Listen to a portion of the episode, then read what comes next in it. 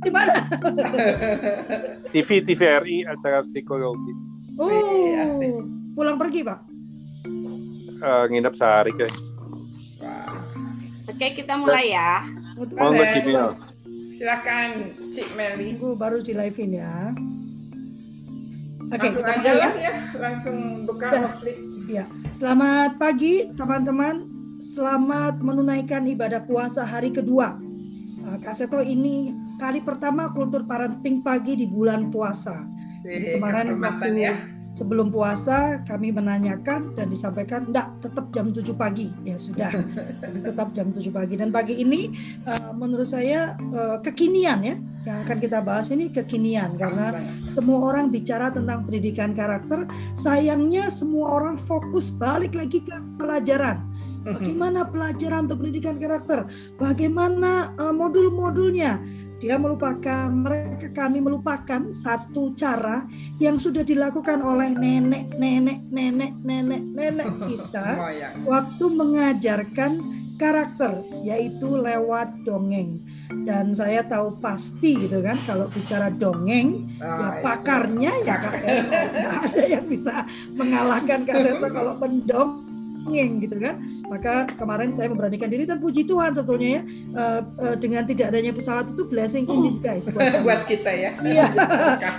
Karena tadinya Kak saya tahu aduh kayaknya nggak bisa Kak saya, saya harus berangkat ke NTT. Tiba-tiba ada kabar saya coba iseng-iseng telepon saudara terus Kak saya bilang iya Mbak Lovely ternyata tidak ada pesawat. Aduh.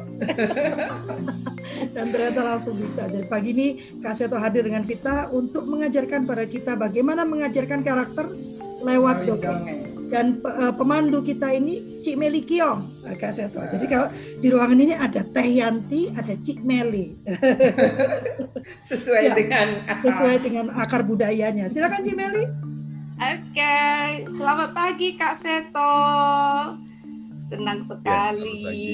Ya, selamat, pagi, selamat pagi buat semua teman-teman yang selalu setia hadir di sini ya. Jadi karena banyak kalau saya sebutin 64 orang punya nama itu artinya waktu kita habis deh untuk sebut. Kak Seto, satu hal yang pengen saya rasa bukan saya aja, pasti ibu-ibu seluruh Indonesia pengen tanya nih, kenapa rambutnya Kak Seto bisa tetap hitam sampai sekarang? dongeng dulu. Semen, sementara ya, nanti mungkin dongengnya boleh masalah rambut kali ya gitu ya.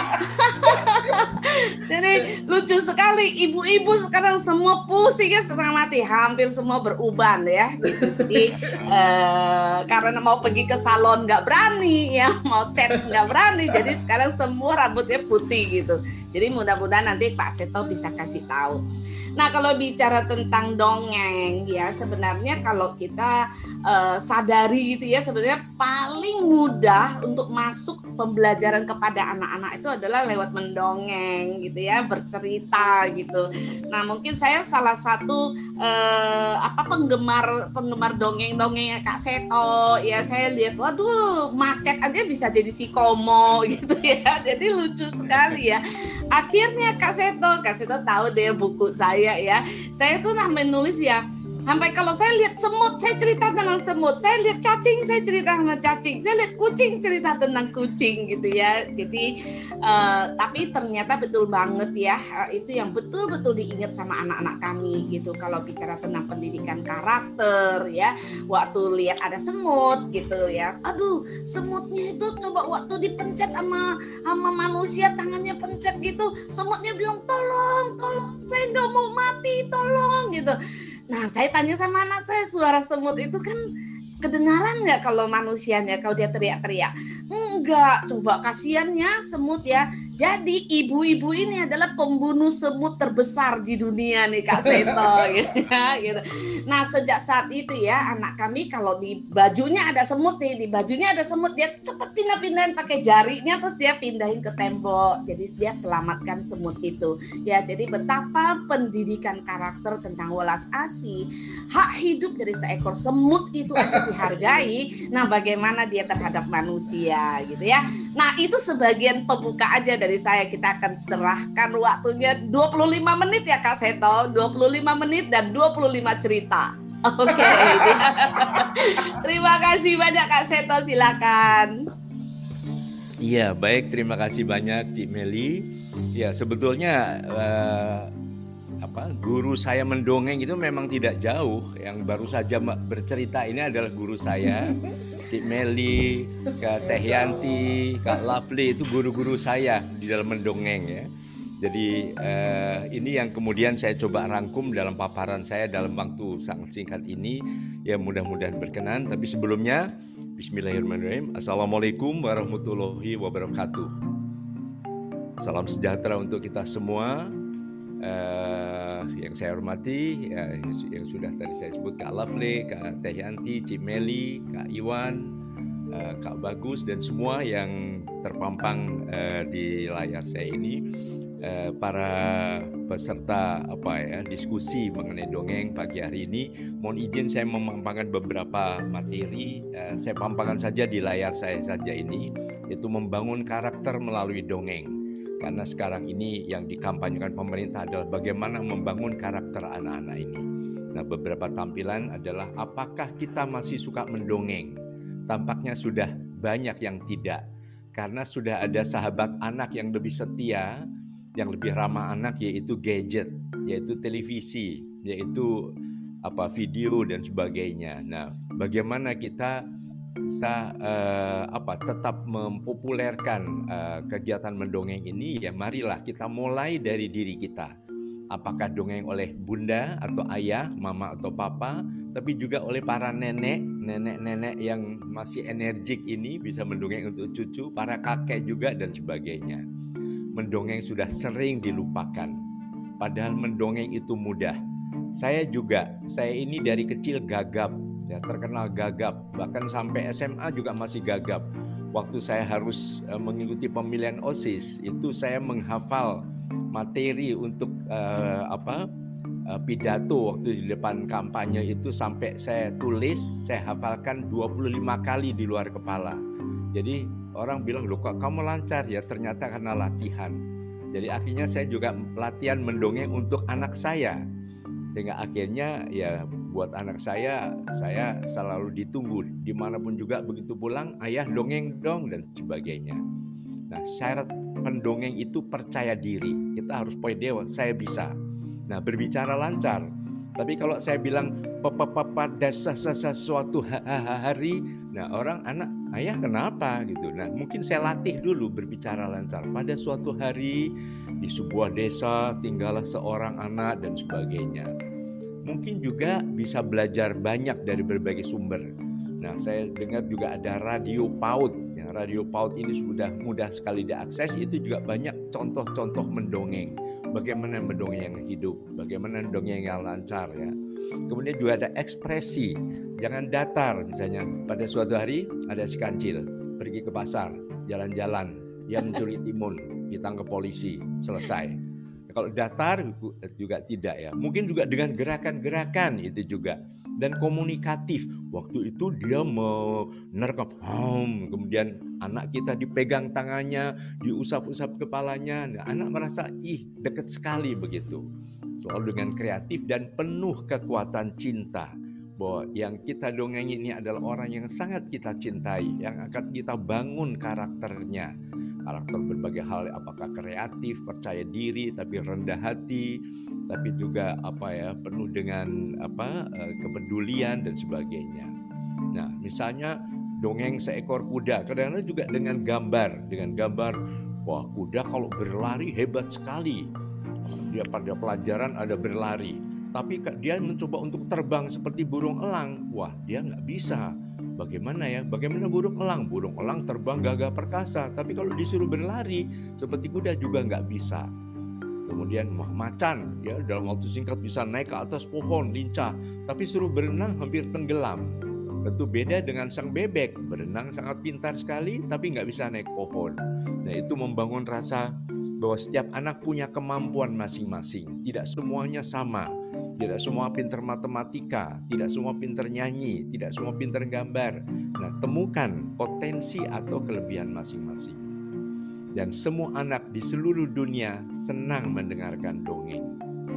Misalnya eh, anak-anak di sebuah TK yang ramai loncat gini, nah itu kalau dengan mendengar dongeng dengan cara yang tepat dia akan juga duduk ya. Tapi kadang-kadang eh, pelajaran itu lebih pada akademik, ya, menjelaskan apa matematika, calistung. Anak TK sudah harus bisa calistung.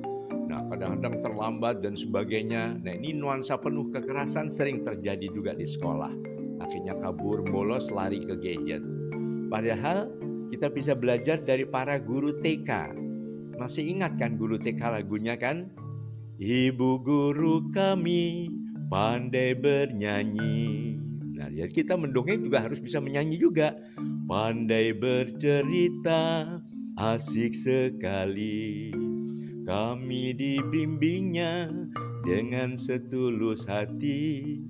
Jadi orang berguna di kemudian hari. Seorang anak yang percaya diri, senang belajar, rajin, peduli, dan sebagainya melalui kekuatan bercerita dari para guru TK. Nah, para ayah dan bunda adalah guru TK di rumah. Ya, guru SD, guru apa pun juga, tapi ini sangat tepat untuk mendukung pengembangan karakter putra-putri kita.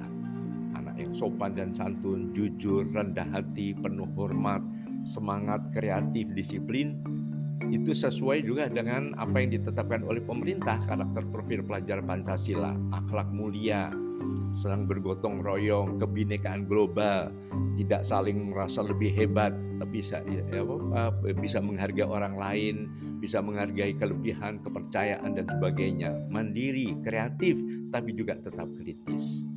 Nah, kalau kita lihat isi standar isi pendidikan kita, nomor satu adalah etika. Nah, etika ini juga perlu disampaikan kepada anak sejak dini melalui dongeng, estetika, keindahan, kebersihan, ilmu pengetahuan juga, nasionalisme, bangga sebagai anak Indonesia, tapi juga menjaga kesehatan, senang berolahraga dan sebagainya. Sekali lagi, semua anak senang mendengarkan dongeng sehingga mungkin marilah kita gaungkan seruan. Ayah bunda mendongenglah. Kakek nenek mendongenglah. Apa para guru mendongenglah dan seterusnya. Dan kegiatan dimulai sejak dini. Bahkan para ahli mengatakan sejak dalam kandungan. Para ayah, eh, para bunda sudah sambil membelai apa, apa kandungannya, kemudian mulai bercerita.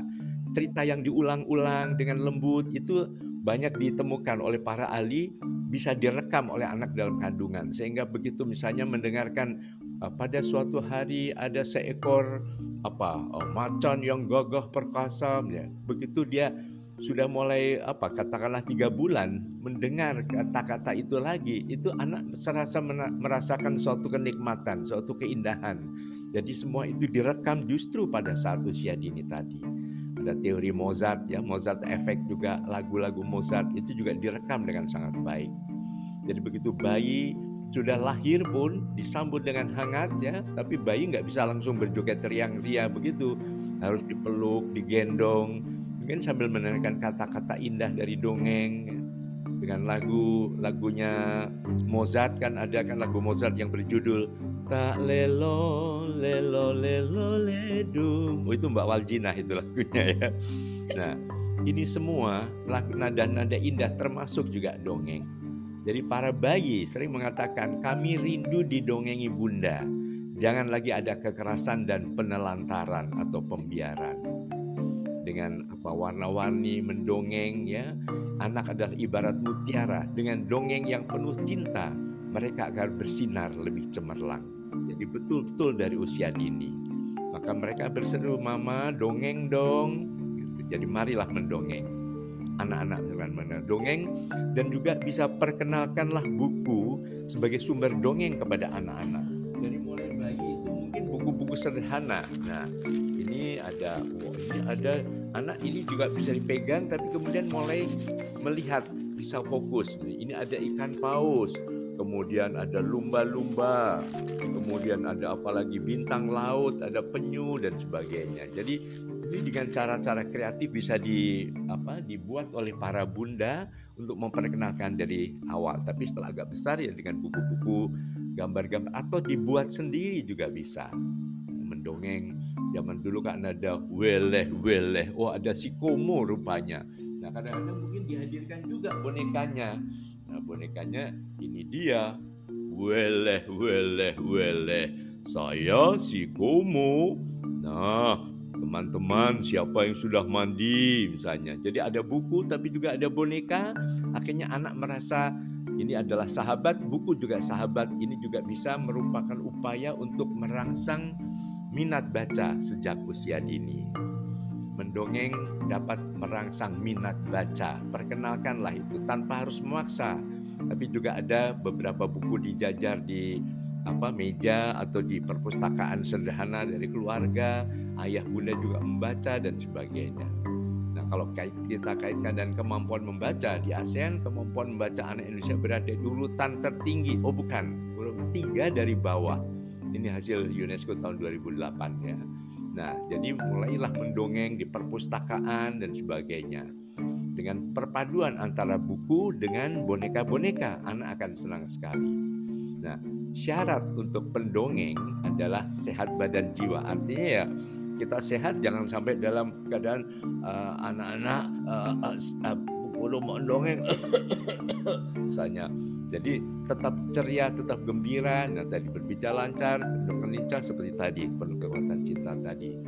Menjalin komunikasi yang paling penting kemampuan mendongeng ini atau manfaat mendongeng adalah supaya kita lebih komunikatif. Anak-anak akhirnya bisa tidak usah harus dibentak atau dimarahi. Anak apa menjalankan kehidupan secara teratur, menjalankan ibadah, kemudian belajar atau apa pun juga itu melalui kekuatan komunikasi, merangsang kreativitas. Kemudian untuk perkembangan moral, perkembangan bahasa juga. Mohon kemudian uh, perkembangan emosi. Jadi anak-anak yang serang mendengarkan dongeng itu akhirnya juga kemampuan bahasanya juga lebih meningkat, kemampuan berkomunikasinya juga perkembangan emosi artinya mengelola emosi dengan lebih cerdas, tapi juga proses identifikasi. Jadi kalau misalnya ada cerita yang jujur, yang rendah hati, nah dia akan melihat uh, apa? Apa? Uh, apa yang sudah dicontohkan ya. Kemudian sekaligus juga memberikan hiburan.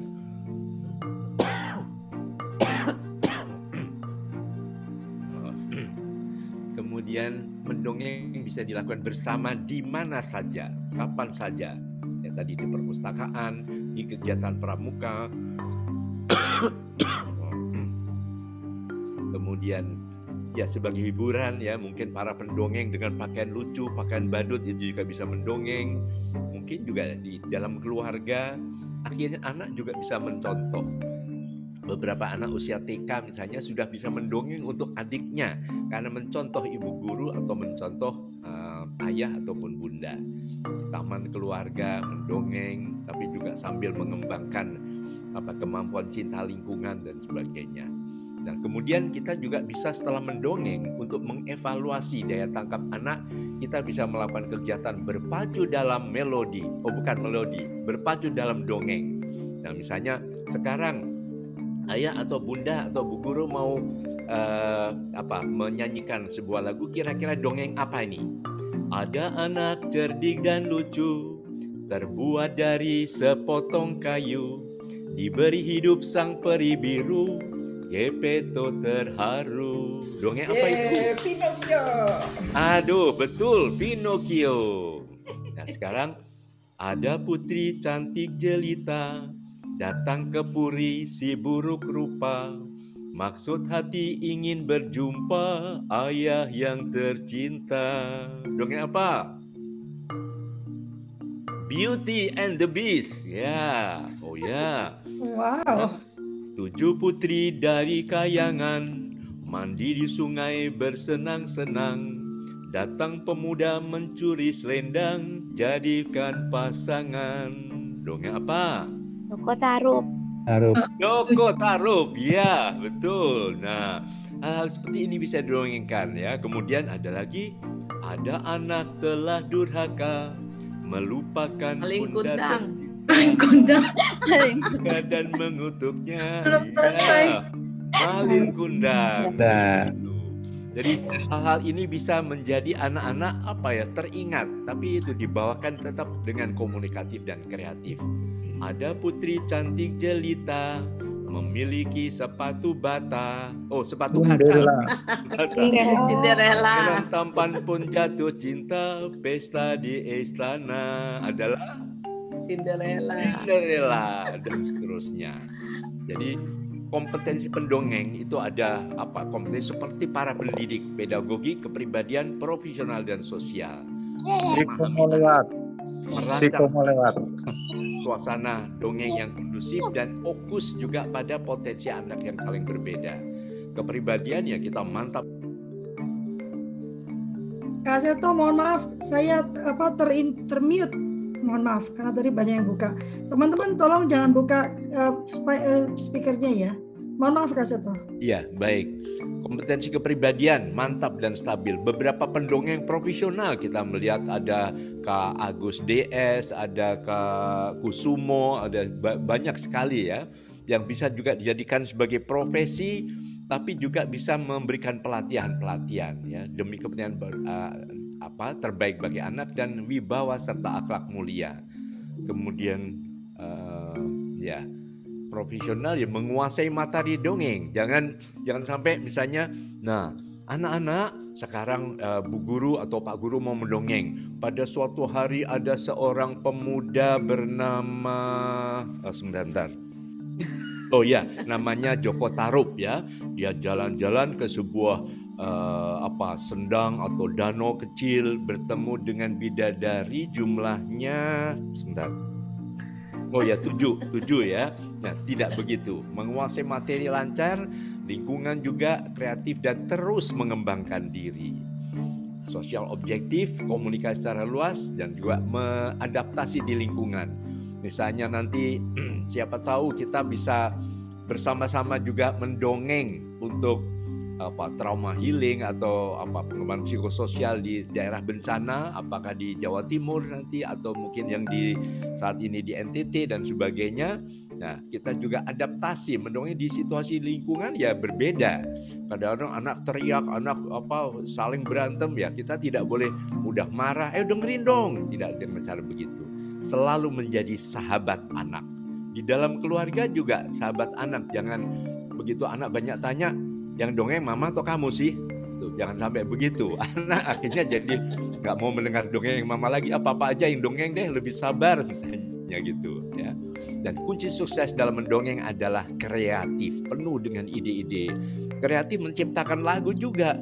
Misalnya jangan eh, nah ini ada siapa misalnya eh, ada namanya Unyil atau siapa misalnya ini suka mandi nggak seperti kamu kamu kan jarang mandi kan jadi tidak membuat anak akhirnya apa tersudutkan dan sebagainya.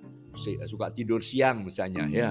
Ya dia senang tidur siang. Nah dia mengajak teman-temannya tidur siang yuk tidur siang. Badan sehat dan hati senang. Nanti sore bermain lagi. Jangan lupa mandi. Nah yuk tidur siang jadi dengan lagu-lagu yang spontan yang disesuaikan dengan materi cerita.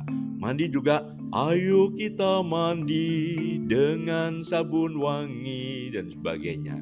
Jadi mendongeng harus suasana hati kita riang. Kuasai cerita penuh persahabatan dengan yang didongengi penuh variasi komunikatif tapi waktu juga secukupnya tidak sampai berjam-jam anak juga akhirnya bisa bosan dan kemudian ada puncaknya ada klimaksnya dan kemudian dirangkum dalam sebuah kesimpulan Lalu variasi mendongeng bisa dengan boneka, bisa dengan gambar-gambar atau benda-benda khusus. Misalnya dia menemukan sebuah batu. Nah ini batu seperti ini. Jadi ada alat peraganya. Mungkin juga dengan alat sulap. Misalnya mendongeng, dia menciptakan ada apa bunga ajaib. Nah tiba-tiba dia dengan sulap yang biasa sering muncul, ini ada kotak supaya muncul bunga-bunga yang indah. Tapi dia selalu mengatakan dengan prinsip apa simsalabim ya. Nah, dia bilang satu pakai tongkat sulapnya. Satu, dua, tiga, simsalabim. Abrakadabra. Wow, ada bunga warna-warni. Nah, akhirnya anak-anak senang karena penuh dengan taman bunga dan dirawat dengan siram dengan rajin dan sebagainya. Atau dengan lagu-lagu tadi ya. Nah, jurus ju- sukses menjadi pendongeng adalah komitmen kuat, persiapan yang matang. Betul-betul ada persiapan, baik kata-katanya, gayanya, mungkin berlatih di depan kaca, mungkin juga alat peraganya dan sebagainya dan semua adalah untuk memenuhi hak anak yaitu hak tumbuh dan berkembang dan karakternya terbangun. Karakter yang jujur, rendah hati, bisa bekerja sama, bangga sebagai anak Indonesia dan sebagainya. Terus belajar, jangan berhenti belajar untuk mendongeng dengan kreatif dan profesional dan tadi kreatif tadi.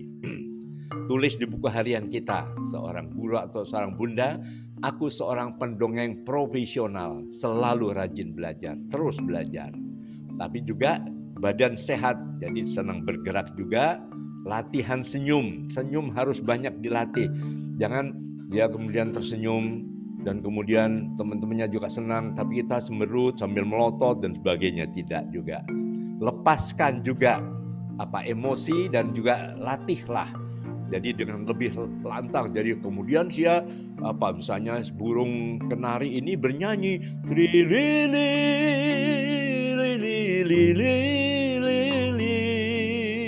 Nah, karena kita juga latih uh, lebih lepas suaranya juga. Nah, latihan terus di depan kaca supaya kata-katanya lancar, kemudian juga dengan gambar-gambar, dengan trik sulap dan dan sebagainya tadi. Jadi intinya dipadukan ya sebagai penyanyi, pembicara, tapi juga mungkin ada gambar. Dulu kan Pak Tino Sidin udah lengkung, lengkung, lengkung, tiba-tiba jadi apa tokoh, nah itu bisa jadi bahan dongeng Pak Suyadi yang kemudian terkenal dengan Pak Raden itu juga awalnya dulu juga mendongeng juga dengan gambar juga. Tapi juga ada unsur humor, ada unsur sulap, tapi juga kadang-kadang dengan pena, sebagai penari ada gerakan-gerakan tarian dan sebagainya. Guru dan orang tua kalau kreatif maka anak-anak juga akan kreatif. Mari, kreatif adalah salah satu karakter yang perlu dikembangkan saat ini supaya anak tidak mudah menyerah, supaya anak tangguh dan anak memenangkan berbagai persaingan, persaingan untuk bisa lebih berprestasi dengan cara-cara yang benar dan sebagainya. Dan impian anak adalah sekolah dan rumah yang ramah anak. Guru dan orang tua yang senang mendongeng. Mari terus bermunculan bukan hanya ribuan, jutaan guru dan jutaan orang tua yang senang mendongeng kembali, tidak hanya melepaskan uh, pada gadget ataupun teknologi-teknologi uh, canggih saja. Dan semua orang bisa menjadi pendongeng hebat. Kuncinya adalah terus belajar. Sampai sekarang dalam usia yang tujuh, hampir 17 tahun ini, oh maaf 70 tahun ini, saya terus belajar mendongeng juga, karena saya punya masa kecil yang gagap jadi kalau saya satu hari aja tidak belajar berbicara atau mendongeng akhirnya gagapnya kumat. Apalagi tanggal-tanggal tua begini eh, gagapnya lebih parah lagi sekarang ini. Jadi mari kita serukan anak-anak tersenyumlah. Anak-anak bukan hanya ingin apa cerdas atau kreatif tapi anak juga ingin bahagia. Dan anak-anak bahagia karena apa? Karena kita semua mendongeng dengan kekuatan cinta Mari kita mendidik dengan melalui dongeng dengan kekuatan apa yang disebut sebagai mendidik dengan kekuatan cinta. Terima kasih. Wassalamualaikum warahmatullahi wabarakatuh. Saya kembalikan kepada guru saya, Cik Melikio. Terima kasih. Ah, luar biasa. Luar biasa. Nah, ini contoh seorang Meli, guru. Pagi Hai. ini 100 loh. Hah? 100 peserta kita. Ya, itu Wow, masih di YouTube banyak banget tuh. Ya. Lalu. Eh, terima kasih. ini. Ya, ini art ini ini satu bukti ya, satu bukti bahwa banyak juga orang tua tuh butuh dongeng sebenarnya. Jadi, ya, kalau orang tua tidak eh, kalau orang tua itu eh, aja pengen didongengin gimana dengan anak-anak coba ya. Nah, kira-kira kayak gitu. Terima kasih banyak Kak Seto. Luar biasa sekali ya ibu-ibu, bapak-bapak ya yang hadir hari ini gitu bahwa eh, kesannya sederhana gitu cuman dongeng apa sih susahnya gitu ya tetapi manfaatnya itu luar biasa sekali. Bagaimana kita mempersiapkan anak-anak kita menjadi generasi yang kreatif ya yang percaya diri itu ternyata semua bisa mulai dari dongeng gitu Nah mungkin pertanyaan saya satu nih Kak Seto, bisa nggak sih kalau berantem pakai dongeng gitu? Lucu kali ya kalau mau berantem eh, apa Dongeng nyanyi nyanyi dulu nyanyi dulu. Kayak- kayaknya ini boleh dipraktekin nih ya, boleh dipraktekin ya. Siapa tahu ini kan jadi Film suatu India. bahan yang Iya, bahan India Oke, Kak Seto, terima kasih banyak ya. Jadi saya rasa semua teman-teman itu eh, ngerasakan ada satu kerinduan bahwa anak-anak itu eh, lebih seneng itu didongengin ya. Saya juga ngerasain banget Kak Seto waktu anak saya masih kecil gitu ya. Saya bawain itu Winnie the Pooh. Saya bawa boneka Winnie the Pooh. Saya bilang halo, saya Om Winnie gitu ya. Jadi pakai suaranya ini. Terus saya beli bukunya yang kecil-kecil gitu. Ada yang tok tok tok Om Winnie mau datang. Jadi buka pintu. Jadi bukunya bisa buka-buka gitu. Akhirnya ketika saya lagi nggak enak badan, anak saya yang cerita dongeng ke saya. Tok tok tok. Dia, dia, dia melakukan persis seperti apa yang saya lakukan gitu ya. Jadi sekali lagi benar banget yang namanya pendidikan karakter itu anak-anak itu merekam ya. Perekam yang sangat unggul sekali jadi berikan rekaman-rekaman yang indah. Oke tentunya di sini banyak banget yang sudah mau bertanya nih sama Kak Setor nah siapa dulu yang mau memulai? Atau Kak Yanti mau tambahin sesuatu? Silakan. Ya, eh, terima kasih Kak Seto, Cimeli. Ini pagi yang luar biasa ya di hari kedua Ramadan. Kita dapat apa siraman siraman eh, keceriaan. Jadi memang eh, apa untuk bisa bisa memelihara tetap gembira di situasi pandemi yang makin makin panjang. Mudah-mudahan sih segera segera usai ya. Meskipun kita harus waspada seperti di India katanya ya kan. Setelah vaksin massal ternyata malah banyak yang yang kena kelihatannya pelatihan mendongeng ini harus kembali diadakan Kak Seto. Kalau Fli siap-siap ya. Karena ini lihat eh, dari 100 yang hadir ini yang banyak sekali yang aduh ingin masuk harusnya zoomnya lebih banyak lagi biar biar langsung dengar dari Kak Seto. Saya bilang bisa ke ke YouTube-nya kok gitu. Tapi nanti kalau memang eh, apa ya kalau terus kaseto ditarik sana sini tuh kan eh, menunggu jadinya. Nah kita sekarang nih eh, ada 100 orang eh, dengan kaseto. Kalau kita bisa meniru sedikit aja lagu-lagunya itu loh yang eh, keren banget ya. Kita bisa melakukannya gitu mulai dari yang kecil-kecil dulu nanti baru eh, apa tadi yang dengan gambar-gambar itu juga sangat membantu gitu ya. Anak-anak sangat sangat senang bercerita dalam gambar itu ya. Saya pikir sih bukan hanya anak-anak kita juga senangnya lihat gambar kok. Ah, tinggal gambarnya yang seperti apa gitu ya. Eh, saya pikir ini ini eh, penting sekali bagaimana kita membangun karakter melalui dongeng ini menjadi gerakan ya. Bagaimana eh, apa seperti yang saya dengar di di eh, Eropa sana negara-negara di sana katanya setiap hari Jumat itu melakukan permainan kelompok board gitu. Dan itu jadi gerakan. Saya pikir dongeng juga perlu. Setiap pagi bangun gitu kalau nggak ada dongeng. Kalau dulu saya waktu kecil suka dengar itu apa sih wakepoh? Kalau nggak salah kalau di, di Sunda itu dari radio ya dongeng di radio. Nah sekarang kita punya eh, bisa mendengarkan radio PAUD ya Kak Seto yang eh, sama Kak Arul. Nanti mungkin eh, saya kenalkan juga di eh, chatnya Kak. Jadi banyak kok sumber inspirasi untuk untuk mendongeng tapi memang tadi itu menjaga tetap cerianya itu Kak Seto. Aduh harus olahraga juga kayaknya ya. Jadi Manjat selain mendongeng oh, selain mendongeng manjat pohon juga kelihatan. Kak Seto nggak panjat pohon, Kak Seto. Langsung di atas genteng lompat. Ini udah keren lagi. luar biasa memang. Silakan kecil Meli. Oke, silakan. Siapa yang mau bertanya dulu di sini silakan.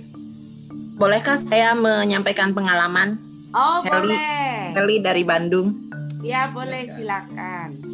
Eh, kalau saya seorang nenek guru SMP, guru bahasa Inggris SMP. Assalamualaikum, selamat pagi Kak Seto dan Waalaikumsalam. Waalaikumsalam. Eh, pertama-tama senang sekali ada di sini. Saya punya cucu, jadi eh, dia suka sekali didongengin. Sampai kalau misalnya kemarin ke Tasik, sepanjang jalan sampai mulut saya itu pegal karena harus terus-terusan bercerita. Nah, eh, ternyata betul Kak Seto manfaatnya banyak. Anak itu sejak eh, satu tahun setengah, dua tahun itu sudah berbicara. Begitu dia bisa berbicara, dia sudah bisa bercerita dari buku yang pernah kita baca Nah, kemudian sekarang lima tahun dia itu sudah bisa bercerita dalam bahkan dalam bahasa Inggris dari uh, uh, mulai dari mulai dari Once Upon a Time sampai the end. Nah, uh, yang yang menjadi dia seperti itu karena kami lingkungan pada saat ada dia kami pura-pura membaca kami pura-pura membaca. Kemudian uh, dia tanya membaca apa? Kemudian kita bercerita. Nah saya ingin bertanya stepnya ini sudah bagus gitu ya. Tetapi apa langkah selanjutnya? Karena kami saya sendiri neneknya sudah mulai ke uh, langkah apa ya bukan jenuh atau bagaimana gitu. Karena dia kewalahan gitu. Jadi sampai kewalahan. Nah, akhirnya dipindahkan ke iPad dan TV. Oh, mohon. Jadi akhirnya ke Om Geri gitu ya ke iPad dan jadi sebelum tidur saya tuh harus bercerita lima cerita. Kalau misalnya tiga cerita, dia tahu jangan belum lima katanya. Jadi harus lima cerita. Jadi kadang-kadang e, harus mencari-cari, aduh dongeng apa lagi gitu. Nah jadi e, langkah apa selanjutnya yang harus saya e, terapkan sehingga e, kami saya sendiri tidak merasa jenuh dan anaknya itu tetap e, apa termotivasi dan apa ya semangat untuk e, mendengarkan cerita dan bercerita. Oke. Terima kasih banyak Bu Heli luar biasa seorang nenek yang mengambil alih juga ya gitu. Jadi membantu ya mungkin bapak dan ibunya nggak pernah bercerita. Jadi untung ada neneknya itu ya jadi satu generasi terselamatkan. Cuman bingung nih Kak Seto gimana nih kalau si neneknya sampai jenuh gitu. Ya mungkin ada ada tipsnya apa Kak Seto buat Bu Heli? Iya, baik. Terima kasih Ibu Heli uh, dari Bandung uh, yang uh, nenek yang sangat kreatif tapi juga produktif ya.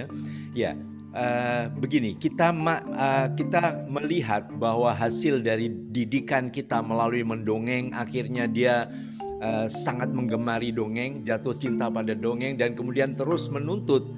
Nah, kita pun juga punya keterbatasan ya. Jadi marilah justru kita jadikan anak ini bukan sebagai konsumen, mengkonsumsi dongeng-dongeng kita, tapi sekaligus juga jadi produsen. Jadi bahkan, nah sekarang gantian, kamu punya cerita nggak? Kamu juga bisa kok ternyata. Jadi kemarin sudah banyak coba. Nah beberapa yang juga kami praktekkan pada cucu-cucu kami itu juga ternyata mereka juga sekarang kalau dia manggil bukan kakek ya supaya awet muda panggilnya ayah gitu karena meniru ibunya panggil ayah jadi dia panggil orang tuanya papa mama tapi kalau kakek neneknya ya ayah bunda jadi karena ikut-ikutan ibunya dia. Nah sekarang uh, ayah uh, apa mau dengar juga dongeng kitama gitu. Nah kayaknya ya sekarang aku punya cerita ayah. Coba dengerin ya. Jadi tanpa sadar anak ini sebagai mitra bukan sebagai beban lagi yang kita aduh apalagi apalagi. Kalau kita akhirnya sudah ya udah kamu dongeng sendiri ya, kamu dengerin dongeng dari ini deh nah ini akan membuat anak terus tergantung sebagai konsumen tapi ya. marilah kita juga melatih mereka sebagai produsen artinya juga kreatif siapa tahu nanti jadi penulis cerita siapa tahu dia menjadi mungkin produser suatu acara televisi atau apa dengan dongeng-dongeng iya. yang kreatif dan seterusnya jadi dengan cara demikian akhirnya tadi ada ada apa ya? Ada saling upaya untuk kreatif menciptakan dongeng-dongeng baru. Bahkan ini dasar dari pengembangan kreativitas ya bahwa ternyata anak tidak hanya uh, pasif saja mendengar tapi juga aktif bisa mencipta.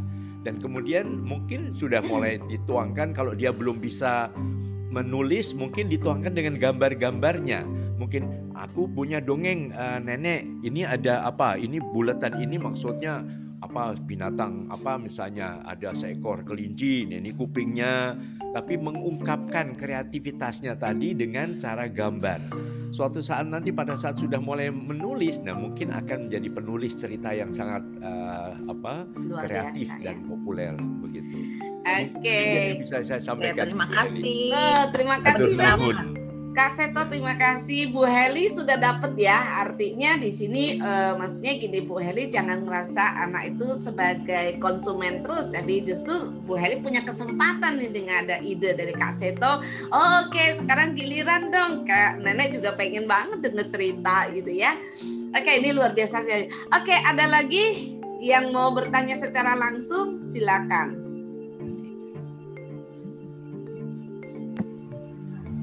Meli? Oh, boleh. Silakan Kak Yeni. Terima kasih. Selamat pagi Kak Seto dan Bapak Ibu. Senang sekali bisa eh, mendapat pengalaman langsung dari Kak Seto. Waktu remaja saya salah satu yang mengidolakan Kak Seto. Sampai akhirnya saya pun juga eh, saat ini giat dalam bercerita pada anak-anak termasuk memberikan dukungan psikososial ke eh, para penyintas ya. Eh, Kak Seto saya ingin bertanya karena banyak pendongeng atau pencerita untuk anak-anak PAUD khususnya itu perempuan Kak Seto. Dan yang laki-laki itu masih sedikit kalau saya lihat. Kira-kira apakah ada tips bagaimana memotivasi eh, kaum laki-laki agar senang mendongeng kepada anak-anaknya ataupun eh, kepada murid-murid tingkat PAUD? Terima kasih. Oke, makasih Kak Yeni. Ya, Silakan baik. Kak Seto. Iya, baik. Terima kasih Kak Yeni uh, untuk apa uh, idenya uh, atas pertanyaan ini. Ya, mungkin kita bisa juga melihat dari beberapa sumber, apakah mungkin dari YouTube dan sebagainya, atau mungkin dari Google ya, bahwa banyak pendongeng-pendongeng kita yang dari kaum pria jadi zaman dulu saya saya salah satu guru pendongeng saya adalah Pak Kanto, Sukanto SA, dulu penulis uh, cerita si kuncung zaman waktu itu. Jadi betapa betapa tahunnya kan saya generasi 45 kan dulu. Generasi jadul banget begitu. Nah, itu Pak Kanto. Saya saya dengar beliau sudah wafat sekarang. Kemudian setelah itu Pak Kasur. Pak Kasur juga pendongeng, pendongeng boneka, mendongeng dengan cerita boneka, kadang-kadang juga tanpa boneka tapi alat peraga juga. Kemudian uh, ya banyak tokoh yang sekarang generasi berikutnya ya tadi saya sebutkan tadi ada Kak Kusumo, ada Kak Agus DS, ada Kak Heru, ada Kak banyak banyak di Kak Bimo di mana di Jawa Tengah atau di Surabaya kalau tidak salah dan sebagainya. Bahwa para tokoh pria pun bisa menjadi pendongeng-pendongeng profesional, pendongeng yang menjadi sahabat anak dan sebagainya. Kemudian eh, contoh-contoh mungkin juga di luar ya kalau tidak salah ya siapa uh, uh, Walt Disney itu juga pendongeng juga kan itu akhirnya juga mendongeng dengan gambar-gambarnya dan sebagainya jadi itu juga bisa dikomunikasikan kepada sesama pendidik uh, dari kaum pria Kemudian kepada anak-anak juga mulai diperkenalkan bahwa anak laki-laki pun bisa mendongeng. Nanti kalau sudah besar, siapa tahu nanti kamu jadi seorang ayah. Nah, ayah juga mendongeng kepada putra putrinya nanti misalnya. Jadi supaya anak dari awal melihat bahwa mendongeng bukan milik dari satu uh, apa uh, kalangan uh, apa jadi istilahnya satu apa sih? Nah, ini gagapnya mulai kumatkan kalau begini. Tapi intinya adalah bahwa laki dan anak laki-laki dan perempuan itu bisa mendongeng Ya itu saya dulu juga mula-mula pada waktu diminta Pak Kasur mendongeng itu berapa kali juga tadi tampil dengan segala kegagapan saya. Tapi Pak Kasur selalu meyakinkan bisa, adik bisa, Pak Kanto juga begitu. Ayo lihat saya mendongeng, bagaimana saya mendongeng dan sebagainya. Jadi intinya sebetulnya pada prinsip bisa karena biasa, karena dilatih maka suatu kemampuan juga bisa terus berkembang. Terima kasih ya. Terima kasih Kak Seto. Terima ya. kasih Kak Yeni. Uh, saya Kak justru Susilowati itu udah angkat tangan tuh. Oke, okay, Kak Susilowati yang mana? Silakan ya. Teman-teman jangan angkat tangan nggak kelihatan raise hand. Kalau angkat tangan di itunya nggak kelihatan. Iya. Kalau layarnya banyak saya nggak kelihatan nih. Iya. Silakan Kak Susilowati. Ya silakan. Ibu Bapak Kak Seto. Ya, uh, baik Ibu Susilowati. Ya. Kak, saya itu punya anak enam. Dari kecil mungkin karena didikan orang tua saya, saya itu dari anak kecil TK hingga sampai kuliah itu selalu dongeng. Karena saya tinggal paren, jadi enam anak itu tiga di kanan, tiga di kiri saya dongeng. Betul, saya itu guru TK. Nah, jadi mau kalau mau dongeng itu biasanya setiap pagi jalan mau ke sekolahan itu kan saya lihat apa saja entah kuku, entah binatang apa saja Nah itu nanti untuk bahan dongeng. Nah, dari enam anak saya itu cuma anak nomor tiga yang suka dongeng, suka membaca. Masalahnya sekarang kak, cucu saya sebelas itu tidak ada yang suka mendongeng. Nah, kalau saya dongeng itu dia senang suka, tapi dia mau ikut dongeng lagi tidak bisa. Dan dari sebelah cucu saya itu yang suka membaca cuma dua. Nah, kan buku-buku cerita yang saya beli karena saya guru TK maupun yang saya buat sendiri dengan coret-coretan tangan itu sekarang masih numpuk saya buat taman bacaan. Karena cucu-cucu jauh, otomatis saya kan didik kampung sini. Tapi berhubung adanya gadget itu mereka berat di HP cerita saja di HP Ibu gitu, cerita saja di HP Uti gitu lah. Untuk membangkitkan minat baca masyarakat itu loh Kak. Sekarang ini sekitar saya ada ratusan anak di bawah usia 17 tahun. Bahkan ada ibu-ibu. Pada tempat saya itu sekarang saya jadikan TBM Taman Bacaan Masyarakat. Malah justru yang pinjam itu malah anak-anak kuliahan, yang anak-anak kecil itu pada berat di HP Nah itu bagaimana caranya membangkitkan minat baca maupun dongeng untuk anak-anak sekitar maupun untuk cucu saya sendiri karena cucu saya yang suka membaca cuma dua tapi yang bangsa Naruto itu loh kak. Jadi untuk, untuk cerita-cerita zaman dulu tidak suka. Oke, ya terima kasih banyak Bu Susi Lowati. Silakan Kak Seto. Iya, baik. Uh, terima kasih untuk uh, pertanyaan yang sangat bagus Ibu Susilawati. Ya, memang ini menjadi tantangan para pendidik. Ya, kami juga me, mem, membuat semacam apa ya uh, percobaan sederhana begitu. Kami melatih beberapa anak-anak uh, muda untuk mendongeng dengan segala kreativitasnya. Kami bikin lomba dan sebagainya Pokoknya ciptakanlah cara yang lebih menarik atau yang paling menarik dan sebagainya. Nah, kemudian kami cobakan kepada sekelompok anak-anak. Nah, kemudian anak-anak ada yang mengatakan, aduh aku paling seneng kalau Kak A misalnya yang mendongeng. Kalau Kak yang ini lain aku nggak, aku akhirnya lari ke gadget begitu. Tapi ternyata dalam percobaan atau penelitian sederhana ini bahwa ada pendongeng yang mampu bisa mengalahkan gadget. Nah, kemampuan itu apa? Karena anak-anak bukan hanya sekedar melihat ini sebagai apa ya pendidikan kadang-kadang memaksakan oh, ini maksudnya mendidik bukan saja tapi lebih sebagai hiburan dan unsur hiburan ini adalah sesuatu yang bukan hanya warna-warni bukan hanya gerakan tapi juga komunikatif misalnya ya. komunikatif dipegang tangannya kemudian ini ayo kita nih coba lompat ya, jadi kamu yang lompat aduh bagus misalnya jadi bukan hanya sebagai apa ya uh, konsumen pasif ya, tapi yang aktif juga, yang terlibat. Bagaimana melibatkan anak-anak itu dalam kegiatan mendongeng tadi. Jadi begitu disebut kalau KA seneng deh, enak gitu.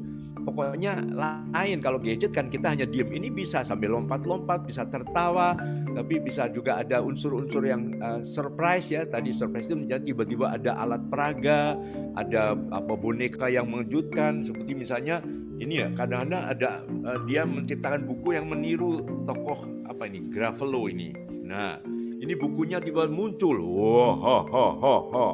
oh Gravelo nih. Nah, ini saya juga tiba-tiba mendapatkan ini dari cucu saya yang melihat di gadget. Wah, ini ada gini coba bikin kayak gitu. Nah, akhirnya ini sedang dibuat juga semacam begini juga begitu. Jadi intinya adalah bagaimana kita menjadi walaupun itu di rumah nenek atau kakek atau uh, apa ayah bunda yang profesional sebagai pendongeng yang ternyata juga bisa mengalahkan uh, apa ya, tayangan-tayangan gadget tadi.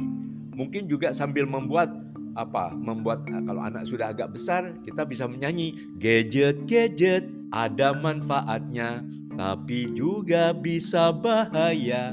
Ayo adik bermain gadget dengan cerdas dan bijaksana. Nah, yuk kita memakai gadget ini dengan cerdas. Kadang-kadang kalau itu terus nanti matanya rusak, nanti apa pakai kacamata atau cepat ngantuk misalnya. Jadi dengan sesuatu yang lebih apa nyata, bisa dipegang, bisa tertawa, tergelak, bisa komunikatif, bisa bertanya dan dijawab dengan cepat, akhirnya anak juga memilih uh, pendongengnya daripada gadget itu sendiri. Jadi intinya bagaimana kita meningkatkan kreativitas kita, profesionalitas kita mengalahkan gadget. Jadi ternyata anak bisa beralih dalam beberapa percobaan yang saya sampaikan tadi. Demikian. Ibu Silawati mudah-mudahan berkenan. Terima ya, kasih. Terima kasih banyak Kak Seto sudah terjawab ya Bu Susila ya. Bu Susilawati itu udah punya dasar yang sangat luar biasa sekali. Oke Kak Seto, nih kayaknya waktunya kita sudah habis gitu ya. Tapi saya akan ambil satu aja dari chatting ya supaya kita adil satu aja saya ambil dari Nilam.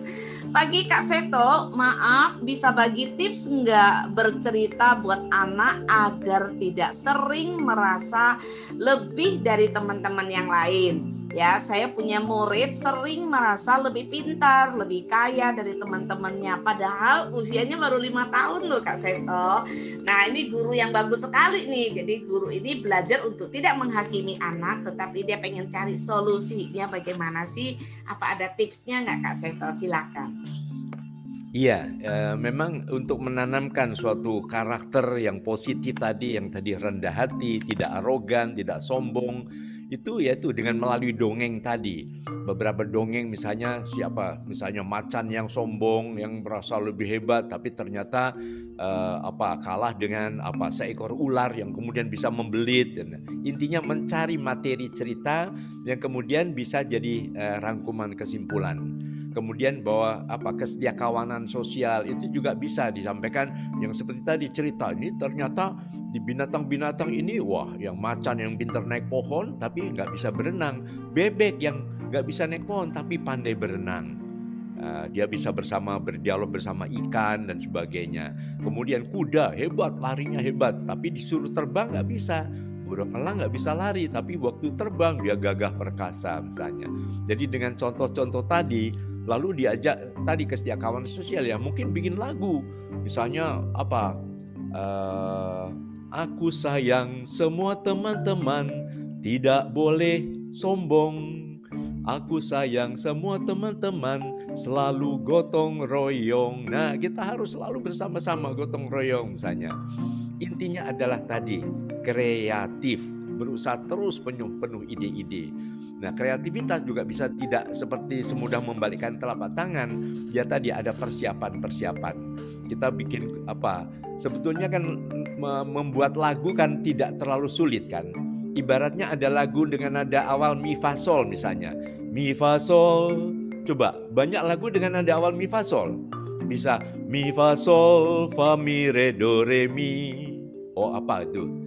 Di pucuk pohon cempaka itu bisa begitu. Tadi bisa mi fa sol mi mi re re do sol. Lagu apa itu?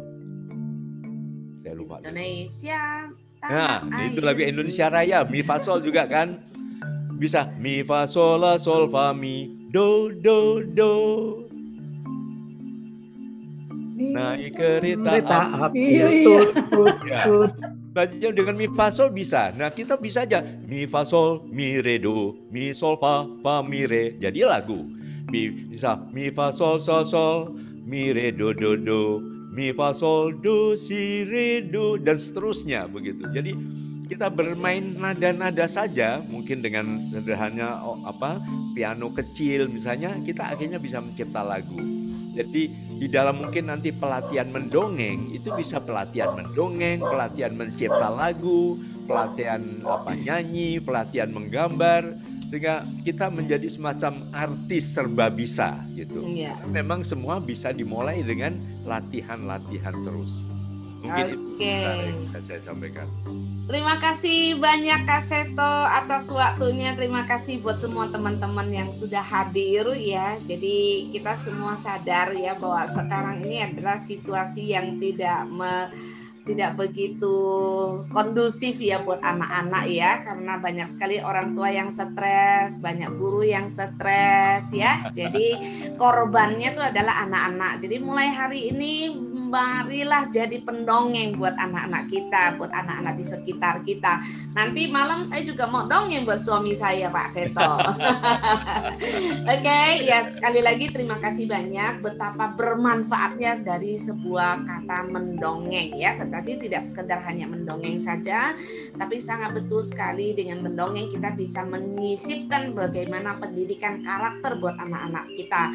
Kenapa? Karena saat mendongeng itu rasa sangat menyenangkan dan ketika anak-anak hatinya bahagia ya, limbik otaknya terbuka, apa pun yang kita sampaikan itu akan masuk gitu. Jadi mudah-mudahan eh, apa mendongeng itu menjadi satu satu gerakan ya. Saya senang sekali kita bicara tentang sebuah gerakan supaya gerakan ini menjadi masif ya.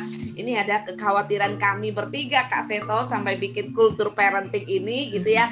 Jadi mohon maaf jadi kami ini tampil betul-betul ibu-ibu apa adanya gitu Kak Seto. Saya pagi-pagi jam 4 udah harus uh, siapin makan. Tadi saya buru-buru Lovely bilang berapa menit lagi gitu. Pokoknya saya nyampe deh walaupun wah, rambutnya nggak sempet di blow gitu Seto. Ya. Tawan ya. ya, jadi ini ibu-ibu banget gitu, ibu-ibu banget dan lihat ya saya di sini belajar dari Gwyn tuh lihat tuh dia bisa bawa anaknya tapi tetap belajar ya. Oke sekali lagi terima kasih bahwa uh, saya berharap bahwa setiap hari Senin, Rabu sama Jumat kalau satu bulan di bulan puasa ini 100 aja nanti kita naikkan ke 500 ya. Wey. Eh, amin. Ya, terima kasih sekali lagi dan saya kembalikan kepada juru kuncinya karena dia yang membuka maka dia juga harus menutup. Terima kasih Kak Lovely. Jadi Kak Seto saya di sini juru kunci. Terima kasih banyak. Iya, kalau dia nggak buka kita nggak bisa masuk Kak Seto. Nah kalau kita nggak tutup nggak dikunci nanti hilang kita punya kultur. Oke silakan. Ini saya harus membacakan uh, apa dari Pak Dibio ya kakek kami ini ya.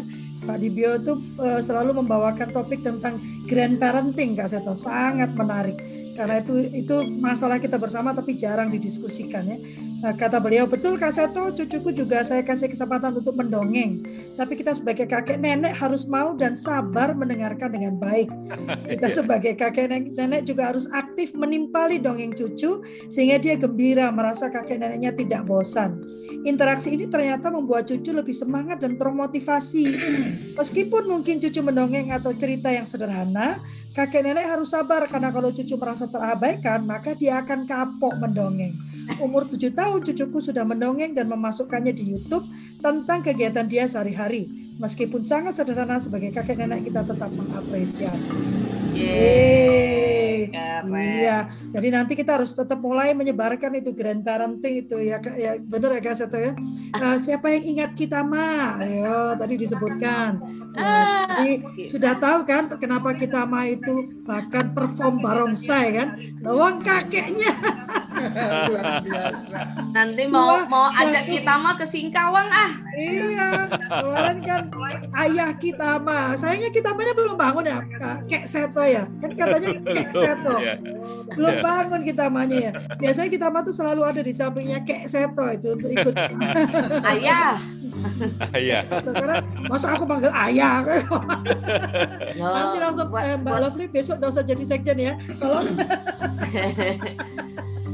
Iya, uh, uh, saya sangat bahagia sekali. Ini berarti ada pekerjaan baru kalau saya nanti bilang siap-siap lovely gitu. Berarti harus ada pelatihan mendongeng. Tapi memang saya pikir uh, masalahnya gini, Kasa itu udah sangat sibuk gitu. Dan saya nggak bisa menemukan guru mendongeng lainnya yang flowing naturally gitu ya, yang tidak bicara uh, te apa teori-teori gitu ya. Karena kalau bicara teori udah lelah kita mendengarkan teori tapi guru yang bisa membawa kita tuh secara flowing itu cuma Kak Seto gitu. Nah, ya kan yang selalu bisa membuat kita ternganga juga dengan mendongengnya gitu kan. Setiap kali dan yang paling itu angkat tangan saya itu tadi lagu tentang apa Kak Seto? Uh, tidak boleh sombong itu pasti baru itu berapa selalu ada yang baru ya? Itu pasti setiap iya. saat ada lagu baru jadinya ya. Iya itu itu yang itu kayaknya sepertinya gini deh. Yang bisa kita lakukan ayo bergabung ke WhatsApp grup uh, belajar parenting. Dan tiap pagi ayo masing-masing mengirimkan suaranya menciptakan satu lagu baru aja.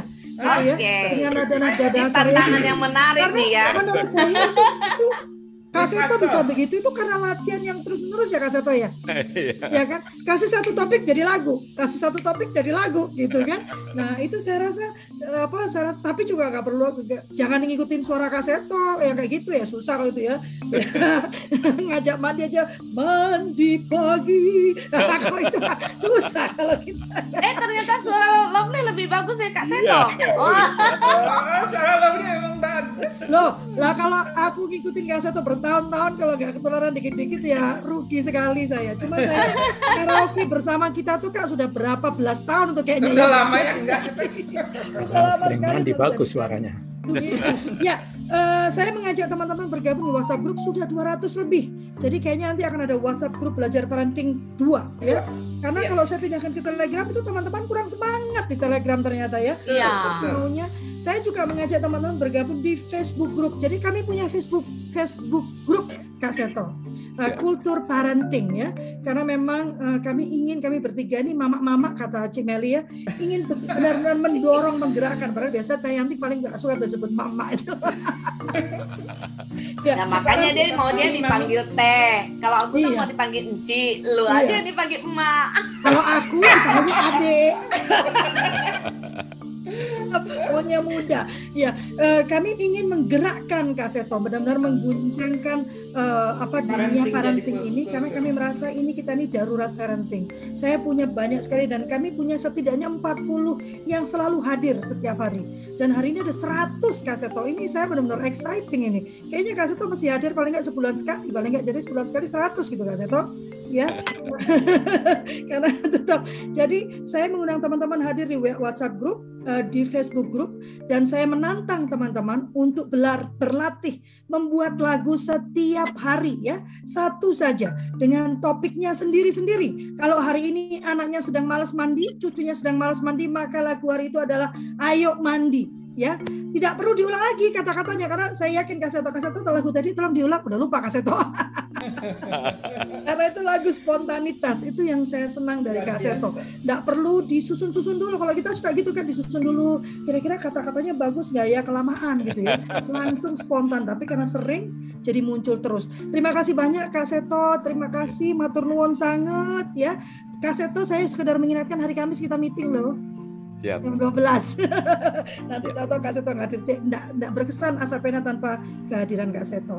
Ya eh, s- eh, kita mau foto dulu? Nah, Ya. ayo. Jarang kan foto sama Kak Seto? Saya aja jarang sekarang ketemunya susah. Karena pandemi maksudnya. Silakan. Nanti Pak Irwan itu belakangnya apa? Seto ya. Pak Irwan hari Jumat ada di mana? Pak Irwan hari Jumat per- pergi jam berapa Eh foto dulu jangan berisik. ya sebentar aku mau naikkan ini yang lainnya nam- muncul dulu Bu KBA Rusmiati. Ibu Rusmiati wah Oh, dokter Vero udah di menulis jalan dulu. Wah ini IAIN pare-pare loh jauh sekali. Yuk, Ya, satu, teman-teman. dua, tiga. Sayangnya aku nggak bisa yang bikin itu ya, yang berapa yang bisa. Yang sekaligus itu ya. Iya, belum bisa. Ya belajar. Kak Seto nggak boleh berhenti belajar. Ya Kak ya mah gitu. ya. Tadi aja, Lovely, coba ayo belajar gimana cara Kak Seto tuh. Dia mah tinggal nyuruh doang dia. dia mah belajarnya kasih perintah bukan. Lalu Aku bilang aku belum bisa, Ci. Belajar dong. Oh, ini kan ada ada yang memberikan ide, ada yang memberikan. Tadi yang Iya, kemarin aku, Seto. Pak Irwan. Coba kalau semuanya memberikan sarannya kan nggak jalan-jalan. Kalau ciciku satu ini emang luar biasa dia. Lovely itu kok bagus banget. Iya. Ada yang ngutang proposal. Iya. Nah tuh, Kak Seto. ingatkan. Ah, tuh, itu itu golongan darah B. Kak Seto tapi ini menarik sekali loh Kak. Jadi eh, eh, buat bapak-bapak, ibu-ibu juga ya. Jadi kami lagi bahas tuh tentang golongan darah. Ternyata betul orang-orang dengan golongan darah, misalnya golongan darah B, sekarang saya kumpulin nih saya golongan darah B. Ternyata sama. Kenapa Lovely kok banyak banget kegiatannya? Kenapa aku banyak? Karena kami nggak fokus gitu. Jadi yang kayak gini bisa kayak gini bisa gini. Nah ternyata hubungan eh, untuk relation itu sangat sangat eh, apa ya sangat terbantu ya kalau kita mengerti partnernya kita ini eh, golongan darahnya apa. Nah, anak kecil juga gitu ternyata. Gitu ke orang golongan B itu nggak bisa suruh duduk-duduk di dalam ruangan kayak gitu. Saya nih kalau duduk 10 menit 20 menit aja nih ya itu udah rasanya udah mau aduh, kayak gitu gitu. Makanya saya ditempatkan jadi pembi, eh, jadi jadi moderator. Gini cocok tapi kalau saya duduk ngantuk ya kak Seto. Nah ternyata ini bagus banget ya. Ini ada risetnya di Jepang itu ternyata seperti itu kak Seto. Jadi untuk menjadi Kalau Kak Seto golongan darahnya apa? nggak tahu. Ya, Tanya Kak Seto. kak Seto apa? Oh, Saya. Oh. oh, kita sama oh. Oh itu Oh, iya. pemberi dia. Pemberi. oh itu suka makan suka Sama makan dengan saya Kak Seto. Sama sama saya Kak Seto. yang B itu baik Oh iya, hati kakek. Abis ini Lovely kontak kakek ya. Abis ini ya. Eh kayaknya kita perlu sampaikan. ketemu deh kalau Pak Irwan datang hari Kamis kita ketemu Hari aja. Jumat kayak Pak, Pak Irwan hari Kamis kan ada acara. Jumat Pak Irwan hari Jumat saya ini ya. Saya grup Oh, Pak Irwan di Jumat mana? aku nggak bisa. Aku Eh, acara. TV. Dongeng Oh, ya. Dongeng kan? yang cerit dongeng yang ceria meningkatkan imunitas. Tuh, Betul. betul. Terutama kalau dongengnya tentang uang yang bakal ma- masuk ke rekening kita. Nih Kak, Kak Seto, Kak Seto, saya hadirkan Pak Sudibyo supaya dia tiap minggu hadir nih. Saya bikinin dia boneka, no. Tapi Kak Seto bohong kok. Nggak akan diberikan sebelum ada duren. Iya. Nah ini juga menga- mengajarkan karakter barter Pak Seto. gitu. Ada yang menjanjikan duren. Jadi saya kalau nggak duren nggak datang, boneka tidak datang. Ya. Oke, terima Oke. kasih saya. Ya, terima kasih semuanya. Acara berikutnya. Terima kasih banyak. Kita ketemu kasih, hari Jumat Seto. itu ada biasa. akan ada satu diskusi lagi ya hari Jumat. Aku lupa namanya siapa Kak siapa Kak. yang dari dirimu Kak Vera. Kak Vera. Ya, Kak ya? Vera yang akan membagikan eh, topiknya ya. Eh, dan besok Tunggu Kamis ya. ada perempuan berkisah. Kita akan mendengarkan Ifah bagaimana dia Wah, merefleksi biasa. hidupnya ya. Dari Kamis siang kita meeting ya Kak Seto. Sayangnya tutup untuk internal Asapena.